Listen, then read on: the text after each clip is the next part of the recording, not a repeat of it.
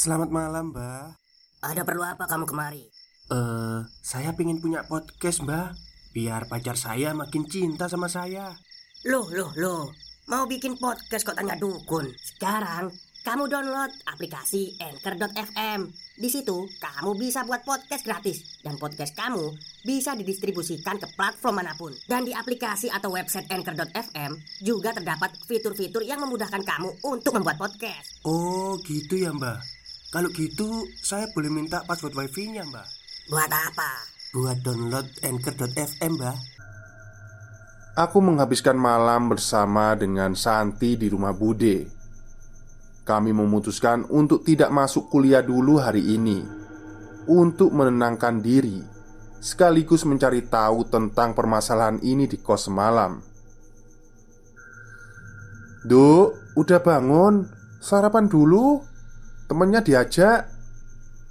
Ucap Bude yang menyadari bahwa aku sudah terbangun. Santi masih tidur, Bude. Biar istirahat dulu saja. Dia pasti masih trauma sama kejadian semalam. Coba ceritakan sama Bude. Sebenarnya ada apa toh? Sampai kalian tengah malam begini maksa untuk nginap sini. Aku memang belum menceritakan kepada Bude tentang apa yang terjadi. Semalam Bude melihatku dan Santi datang dengan wajah yang pucat, kelelahan Sehingga Bude menyuruh kami untuk segera beristirahat saja Ini pertama kalinya bagi Kinan Bude Melihat roh halus Ucapku sambil mengusap-ngusap bahuku Karena merinding setiap mengingat kejadian semalam Mendengar perkataanku, Bude menghentikan kegiatannya dan mengambil kursi untuk duduk di hadapanku. Roh halus, kamu yakin? Aku mengangguk dan menceritakan semua kejadian semalam pada Bude. Mulai dari pemadaman listrik, kemunculan kaki manusia yang melangkah tanpa badan, dan sosok yang tergantung di kamar belakang, hingga Santi yang kesurupan oleh sosok menyerupai kuntilanak itu. Aku melihat ekspresi wajah Bude yang ikut merinding mendengar ceritaku.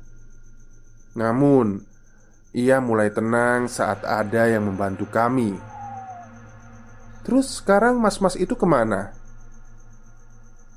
Mereka membantu melapor ke Pak RT dan mencari tahu ke buku kos dulu.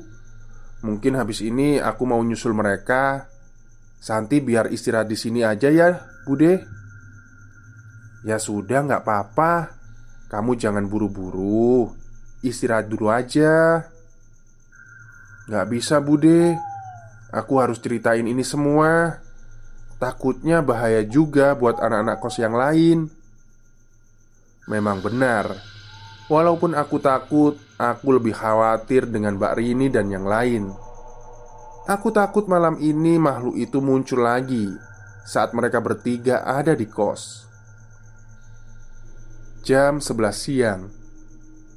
Aku berpamitan pada Santi dan memintanya untuk istirahat saja. Wajahnya masih terlihat pucat. Hati-hati, Kinan.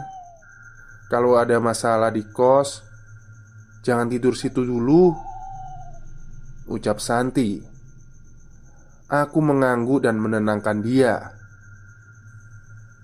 Kamu berangkat naik apa Kinan? Tanya Bude menghampiri kami Dijemput sama Lintang Bude.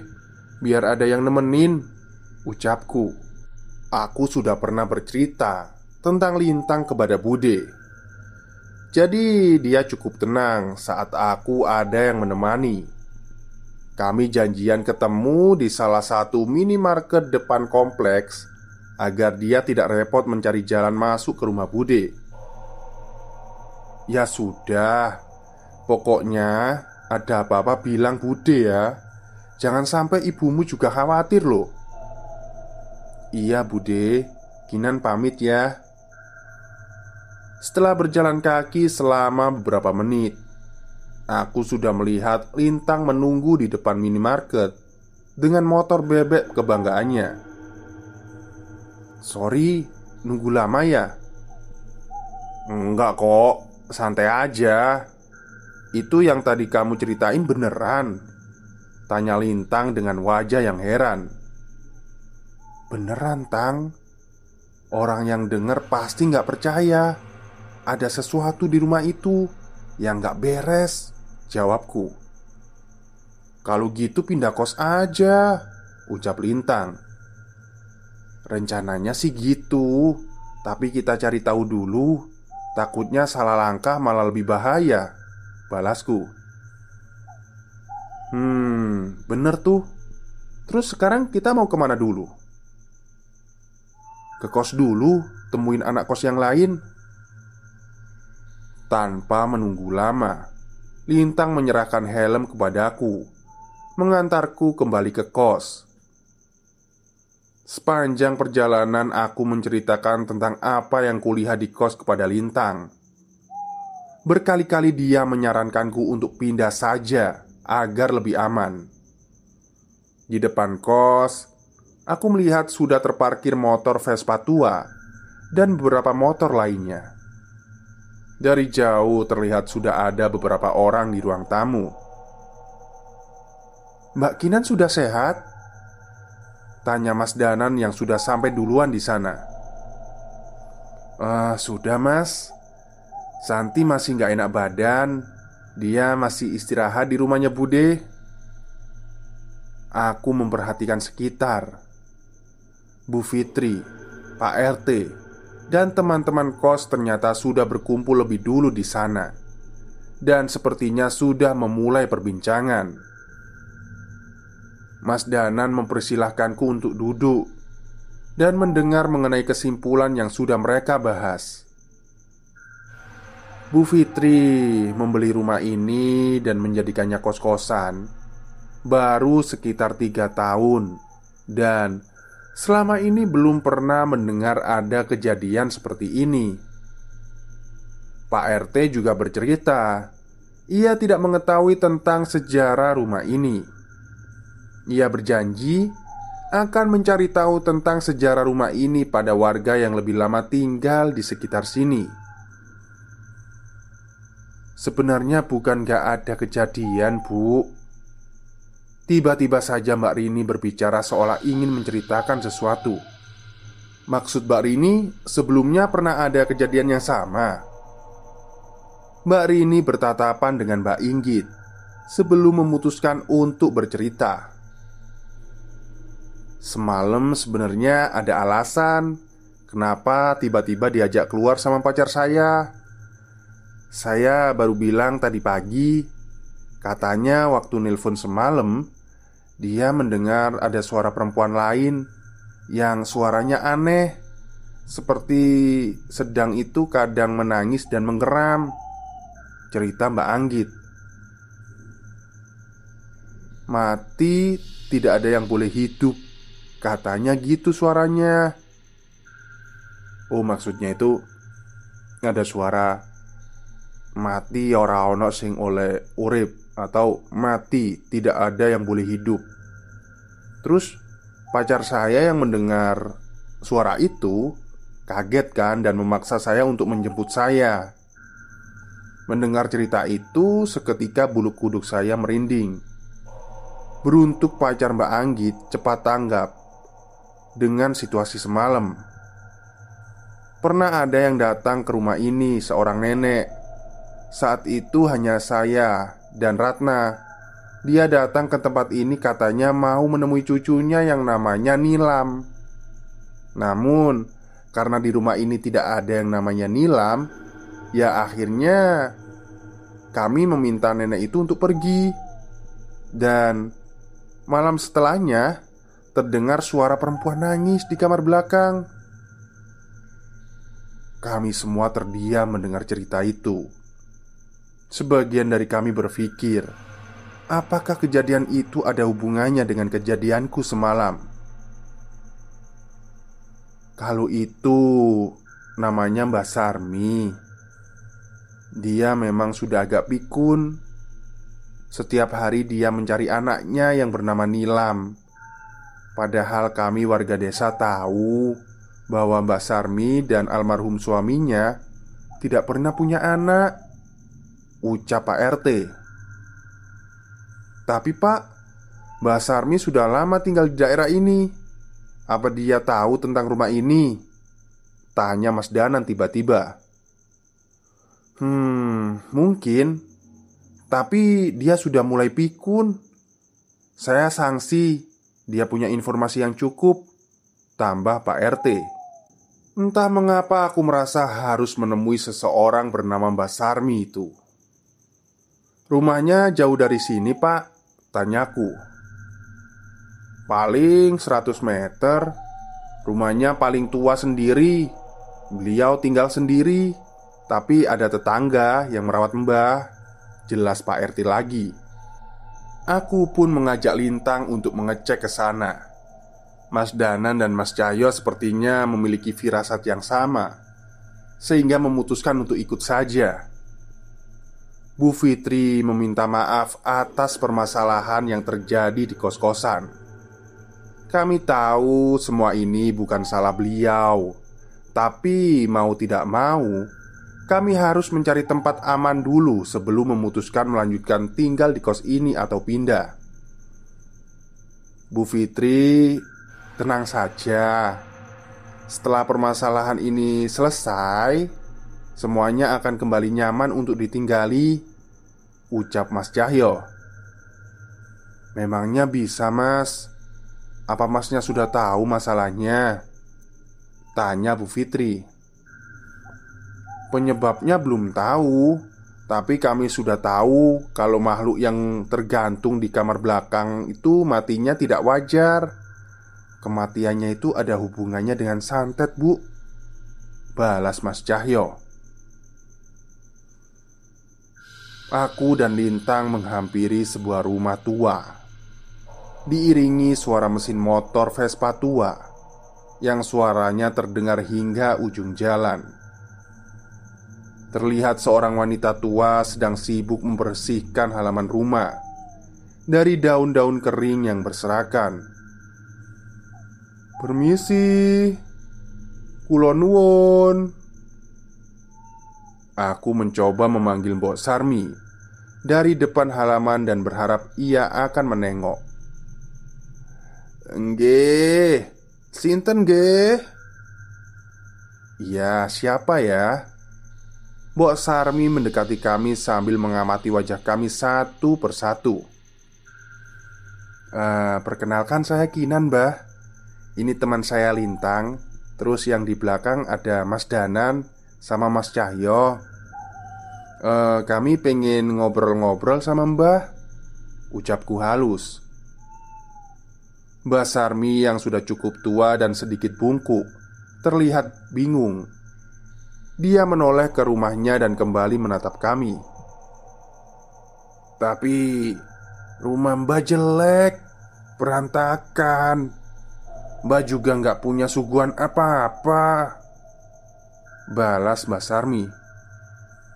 Oh, enggak Mbak, enggak. Rumahnya Mbak Sarmi bagus. Ada pohon pisangnya.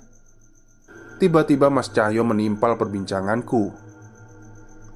Aku tahu maksudnya Agar Mbak Sarmi tidak merasa canggung Ya wis Masuk nduk Mbak buatin minum dulu ya Ucapnya sambil memalingkan wajah Dan berjalan dengan tertati Saya bantuin gak mbak Ucap Mas Cahyo yang segera ikut nyelonong Ke bagian belakang rumah Sementara kami menunggu di teras rumah yang terdapat kursi bambu yang sudah cukup tua. Mbah, cuma ada teh sama pisang. Dimakan ya, Nduk. Ucap Mbah. Entah mengapa aku merasa terharu melihat momen ini. Sudah bertahun-tahun aku tinggal di ibu kota. Tapi tidak pernah ada satu orang pun yang menyambut orang asing sampai seperti ini. Bah, Nanti aku bawakan pisang dari kampungku ya Enak loh mbah Ucap Mas Cahyo Yang mencoba sok akrab dengan Mbak Sarmi Sambil membuka kulit pisang yang disuguhkan. Melihat tingkah Mbah Mas Cahyo Mbah Sarmi pun mulai tersenyum. Ngapunten Tolong teman saya dimaafin ya mbah. Kelakuannya memang gitu. Kalau udah lihat pisang Matanya langsung hijau Ucap Mas Danan. Tiba-tiba suasana di rumah ini menjadi nyaman Dengan keberadaan Mas Danan dan Cahyo.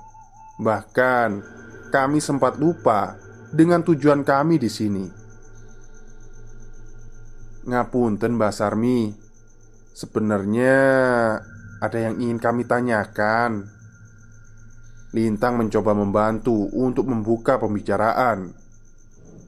Namun bukannya menjawab Mbak Sarmi malah berdiri Dan masuk ke rumah meninggalkan kami Kami menunggu cukup lama Namun Mbak Sarmi belum kunjung keluar juga Bukannya gelisah Mas Cahyo tiba-tiba malah meninggalkan kami Dan mengambil sapu lidi di kebun Dan melanjutkan pekerjaan Mbak Sarmi membersihkan rumput kering Mas, gimana? Apa kita panggil saja? Tanyaku pada Mas Danan dan Lintang Gak usah. Mbak Sarmi sudah ngerti kok maksud kita. Walaupun penampilannya begitu Sebenarnya mbah itu bukan orang biasa Ucap Mas Danan. Aku tidak mengerti apa yang dimaksud olehnya. Tapi memang cukup aneh Melihat mereka berdua bisa cepat merasa akrab Dengan Mbak Sarmi yang belum banyak berbicara Setelah beberapa lama akhirnya terdengar suara langkah kaki Mbak Sarmi. Dengan suara kaleng Kami pun segera mengetahui bahwa Mbak Sarmi mengambil sesuatu Dari dalam rumah Dan membawanya ke hadapan kami. Mbah tinggal di daerah ini hampir seumur hidup Kata Mbak Sarmi mencoba untuk mulai bercerita Mbak nggak punya anak Nggak bisa punya anak. Tapi Mbak beruntung bisa menikah dengan orang yang tepat Tidak pernah mengeluh sampai akhir hayatnya. Mbak Sarmi mengeluarkan foto seorang pria tua Yang terlihat sudah sangat lama. Setelah Mas Nur pergi duluan, Mbah sangat kesepian. Walaupun warga sini sangat perhatian sama Mbah, tetap ada perasaan sepi yang tidak bisa tergantikan. Sampai suatu saat, Mbah ketemu sama seorang perempuan, anaknya baik, namanya Nilam. Mbah cerita saat itu Nilam lewat rumah Mbah Tiba-tiba masuk begitu saja Katanya Nilam kangen sama almarhum neneknya Dan jadi sering ngobrol sama Mbah Sarmi. Dalam seminggu bisa 3-4 kali Dia mampir ke rumahnya Mbah Sarmi. Dia banyak bercerita tok soal temennya, kuliahnya, dan keluarganya. Saat itu Mbah sangat senang. Jadinya dia tidak kesepian lagi. Tapi di balik itu Mbah juga tahu Ada masalah yang dialami oleh Nilam Tentang keluarganya. Mereka tinggal di rumah yang saat ini menjadi kos yang kutinggali. Ada seorang pria bernama Bira Yang jatuh cinta dengan Nilam. Keluarga mereka cukup dekat sehingga Bira sering mampir ke rumah. Namun, Nilam tidak memiliki perasaan sama pria itu.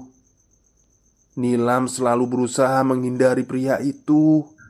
Ia selalu ke rumah Mbah setiap Bira mampir ke rumah Nilam. Pernah beberapa kali Nilam sampai menginap di rumahnya Mbah Sarmi agar tidak bertemu dengan Bira. Akhirnya orang tuanya Nilam sadar bahwa anaknya berusaha menjauhi pria yang mendekatinya itu. Rasa sayang terhadap anaknya membuat ayah Nilam menghampiri keluarga Bira dan menegaskan bahwa Nilam tidak bersedia menjalin hubungan dengan anak mereka. Awalnya hal ini ditanggapi dengan biasa. Sayangnya, permasalahannya lebih rumit dari itu. Ada alasan mengapa keluarga itu mendekati keluarga Nilam dan menginginkan Nilam menikah dengan anaknya. Setelahnya, berbagai teror mulai mendatangi rumah itu. Ayah Nilam terkena penyakit gatal Ibu Nilam yang sering menjadi depresi karena diperlihatkan sosok aneh, hingga Nilam yang sering kehilangan kesadaran dan tiba-tiba sering tersadar di bawah pohon. Seseorang yang merupakan keturunan keraton pernah cerita sama Mbah bahwa keluarganya Nilam sedang disantet Orang itu pernah dimintai tolong oleh keluarga pria yang suka kepada Nilam Untuk ngerjain keluarganya Nilam Namun ditolak olehnya Stop, stop. Kita break sebentar. Jadi gimana? Kalian pengen punya podcast seperti saya? Jangan pakai dukun, pakai Anchor. Download sekarang juga. Gratis. Mbah pun panik dan menghampiri keluarga Nilam. Namun, Mbah juga tidak punya kemampuan sebesar itu untuk menangkal serangan yang diarahkan kepada keluarga Nilam. Apalagi saat bertemu orang tua Nilam, Mbah melihat orang tua Nilam terlihat linglung. Beruntungnya, teman-teman kampus Nilam yang mengetahui keadaan Nilam tidak tinggal diam. Mereka mencari cara untuk membantu Nilam dengan bantuan pemuka agama, orang pintar, dan sesepuh yang mengerti masalah ini. Namun, sekali lagi, masalah ini tidak semudah itu. Keluarga sang pria begitu keras menginginkan Nilam menikah. Ternyata karena weton Nilam sesuai dengan syarat tumbal untuk pesugihan yang mereka jalani Ketika mereka gagal, maka nyawa mereka lah yang taruhan. Nilam dan teman-temannya merencanakan suatu hal untuk menyelamatkan Nilam. Orang tua Nilam diungsikan ke rumah keluarga terdekat dan rumah dikosongkan. Nilam pun tinggal bersama teman-temannya. Mereka mengetahui bahwa Bira masih sering ke rumah itu untuk mencari Nilam. Namun, yang ditemui hanyalah rumah kosong. Mereka kira ini akan berjalan lancar sampai suatu kebodohan dilakukan oleh Vera, salah satu teman Nilam. Vera ini jatuh cinta dengan Bira. Vera menghubungi Bira dan memintanya bertemu di rumah Nilam pada waktu yang dijanjikan. Bira sangat kecewa saat tidak menemukan Nilam bersama Vera. Namun Vera menahan Bira dan berusaha meyakinkan Bira bahwa ia lebih bisa membuat Bira bahagia dibandingkan Nilam. Vera berjanji akan memberikan apa pun yang Bira mau agar Bira mau bersamanya dan melupakan Nilam. Mendengar ucapan Vera, Bira sebagai seorang pria menerimanya dengan senang hati. Di rumah itu, Bira meminta Vera untuk melayani nafsunya. Vera sudah siap dengan itu dan mengikuti semua keinginan Bira. Rumah yang seharusnya kosong itu kini dipenuhi suara desahan sepasang manusia yang saling melampiaskan nafsunya. Maksudnya itu desain ah uh ah uh itu loh ya Setelah Vera memenuhi janjinya Kini giliran Bira Dia akan melepaskan Nilam dengan baik-baik ia meminta Vera untuk mengajak Nilam ke hutan belakang kampus pada tanggal 5 Mei untuk mengakhiri semua permasalahan ini. Entah mengapa, Vera merasa tidak pantas menemui mereka langsung setelah apa yang ia lakukan bersama Bira. Ia pun mengirimkan sebuah pesan di balik foto mereka agar berkumpul di belakang kampus pada waktu yang dijanjikan. Dan hari yang dijanjikan pun tiba. Vera merasa senang ketika akhirnya temannya bisa selamat dan dia juga bisa mendapatkan pria yang ia cintai. Namun, yang terjadi bukan seperti apa yang dijanjikan. Di hadapan Nilam, Vera, dan teman-temannya, Bira mengeluarkan sebuah handycam dan memutar sebuah rekaman kejadian saat Bira dan Vera sedang bersetubuh. Seketika Vera menangis sejadi-jadinya. Semua seperti sudah direncanakan oleh Bira. Saat itu juga Bira memberi ancaman pada Nilam Bila tidak ingin menuruti kemauannya Bira akan menyebarkan rekaman itu Dan membuat Vera dan keluarganya malu Tidak ada pilihan lagi untuk mereka Vera menangis memohon maaf kepada Nilam Namun sepertinya Nilam juga lelah dengan semua ini Dan hingga menuruti keinginan Bira dan Nilam berjanji akan menemui Bira di rumah malamnya besok. Saat itu, senyum puas terpampang di wajah Bira. Bira pun meninggalkan Vera di hutan belakang kampus. Vera menangis dengan menyesal. Sesuai perjanjian mereka, Bira datang pada malam hari ke rumah itu Bira mengecek pintu rumah tidak terkunci. Dia masuk ke dalam dan benar, ternyata Nilam sudah ada di sana. Dia berdiri di ruang tengah menyambut kedatangannya Bira, dan dengan dandanan yang paling cantik yang pernah ia lakukan untuk dirinya. Bira terkesima melihat kecantikan Nilam, dan sudah bisa membayangkan apa yang akan terjadi setelah ini. Bira mengunci pintu rumah dan mendekati Nilam. Saat sudah di hadapan Nilam, Bira bersiap mencumbu bibir Nilam. Namun, ia merasa ada yang aneh. Semakin lama, wajah Nilam semakin pucat. Dia menyadari bahwa dari tadi Nilam menyembunyikan lengannya di belakang. Rupanya tepat saat kedatangan Bira di rumah Nilam segera mengiris pergelangan tangannya Untuk mengakhiri hidupnya Ia tidak sudi Bila harus dimiliki oleh seseorang bernama Bira Tak beberapa lama Tubuh Nilam terjatuh Dan nafasnya menghilang Bersama dengan kesadarannya Bira yang melihat itu merasa kesal dan panik. Namun, melihat kecantikan Nilam belum memudar. Bahkan saat nyawa Nilam tidak lagi bersatu dengan jasadnya, seolah masih termakan oleh nafsu. Bira yang gelap mata malah menyetubuhi jasad Nilam yang sudah tidak bernyawa. Dia juga melampiaskan kekesalannya pada jasad Nilam Sebuah penghinaan yang keji Yang bisa diberikan ke jasad manusia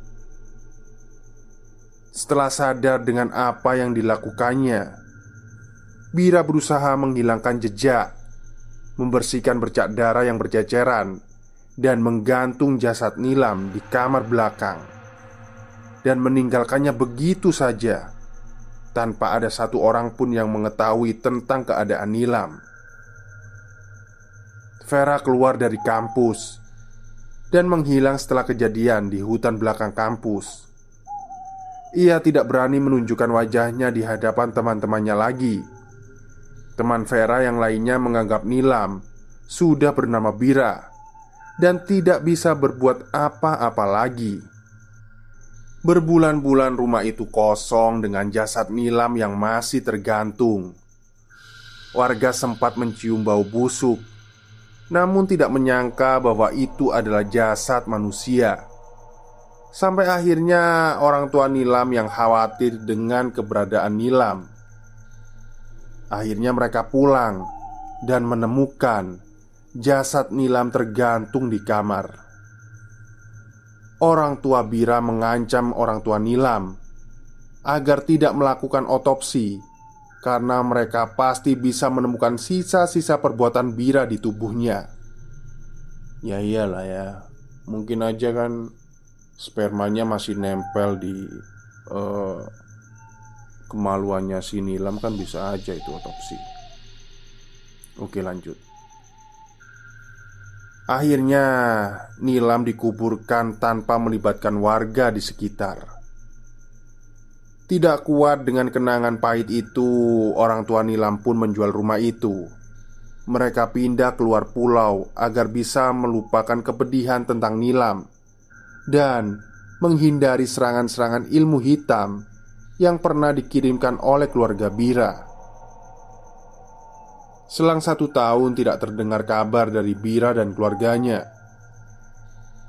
Beberapa orang pintar yang mengenalnya mendengar kabar bahwa mereka sekeluarga mati mengenaskan karena penyakit yang sesak nafas dan membuat kulitnya melepuh dan gatal, hingga tidak ada orang yang ingin mendekatinya. Kisah Nilam berhenti sampai di sini hingga tidak ada yang mengetahui tentang kematiannya. Aku mengambil tisu dari tasku dan mengusapkannya pada mata Mbak Sarmi yang sudah dibasahi oleh tetesan air mata. Berarti waktu itu Mbak Sarmi mampir ke rumah dan ketemu Mbak Rini untuk melihat Nilam ya Ucap Mas Danan. Iyo mas.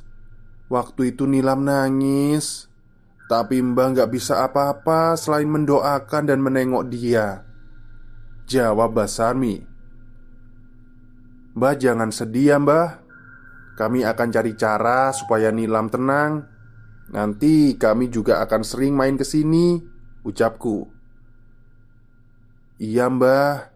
Di kosanku sepi Mending aku main ke sini numpang ngopi Tambah lintang Yang seketika menjadi simpati setelah mendengar cerita Mbak Sarmi. Sekarang sudah jelas apa yang sebenarnya terjadi di rumah itu. Namun kami belum mengerti apa yang harus kami lakukan agar Nilam bisa tenang. Dan mengenai sosok lain selain Nilam, apa akan ikut pergi setelah Nilam tenang? Sudanan, ucap Mas Cahyo. Wes, wes jelas semuanya. Mbah, kami izin pamit pulang dulu ya, keburu malam. Nanti pasti kami mampir lagi kok ke sini. Ucap Mas Danan. Iya, Mbah. Nanti bawa pisang yang enak. Tambah Mas Cahyo. Kedua orang itu memang sedikit aneh, tapi sepertinya aku sadar bahwa mereka sudah tahu apa yang akan mereka perbuat. Aku pun pamit pada Mbak Sarmi dan berjanji akan sering main ke rumahnya, sekedar untuk berbagi cerita dengannya. Nilam, semoga saja kami bisa menemukan cara yang terbaik untuk membuatmu tenang. Baik, itulah akhir cerita dari part kedua ya Dari tweetnya Mas Dio yang berjudul Kau gantung jasadku di kamar itu. Bajingan sekali ya si Bira itu ya. Udah meninggal masih diperkosa. Ya nggak tahu lah ya. Manusia itu kadang itu Ternyata lebih menakutkan dari setan ya. Oke mungkin itu saja Dan untuk bagian ketiganya Kalau nggak besok siang ya nanti malam lah ya jadi nunggu kondisi tenggorokan saya bagus dulu. Baik, mungkin itu saja untuk siang hari ini. Semoga kalian menikmati cerita dari saya. Selamat malam, dan maksud saya selamat siang, dan selamat beristirahat.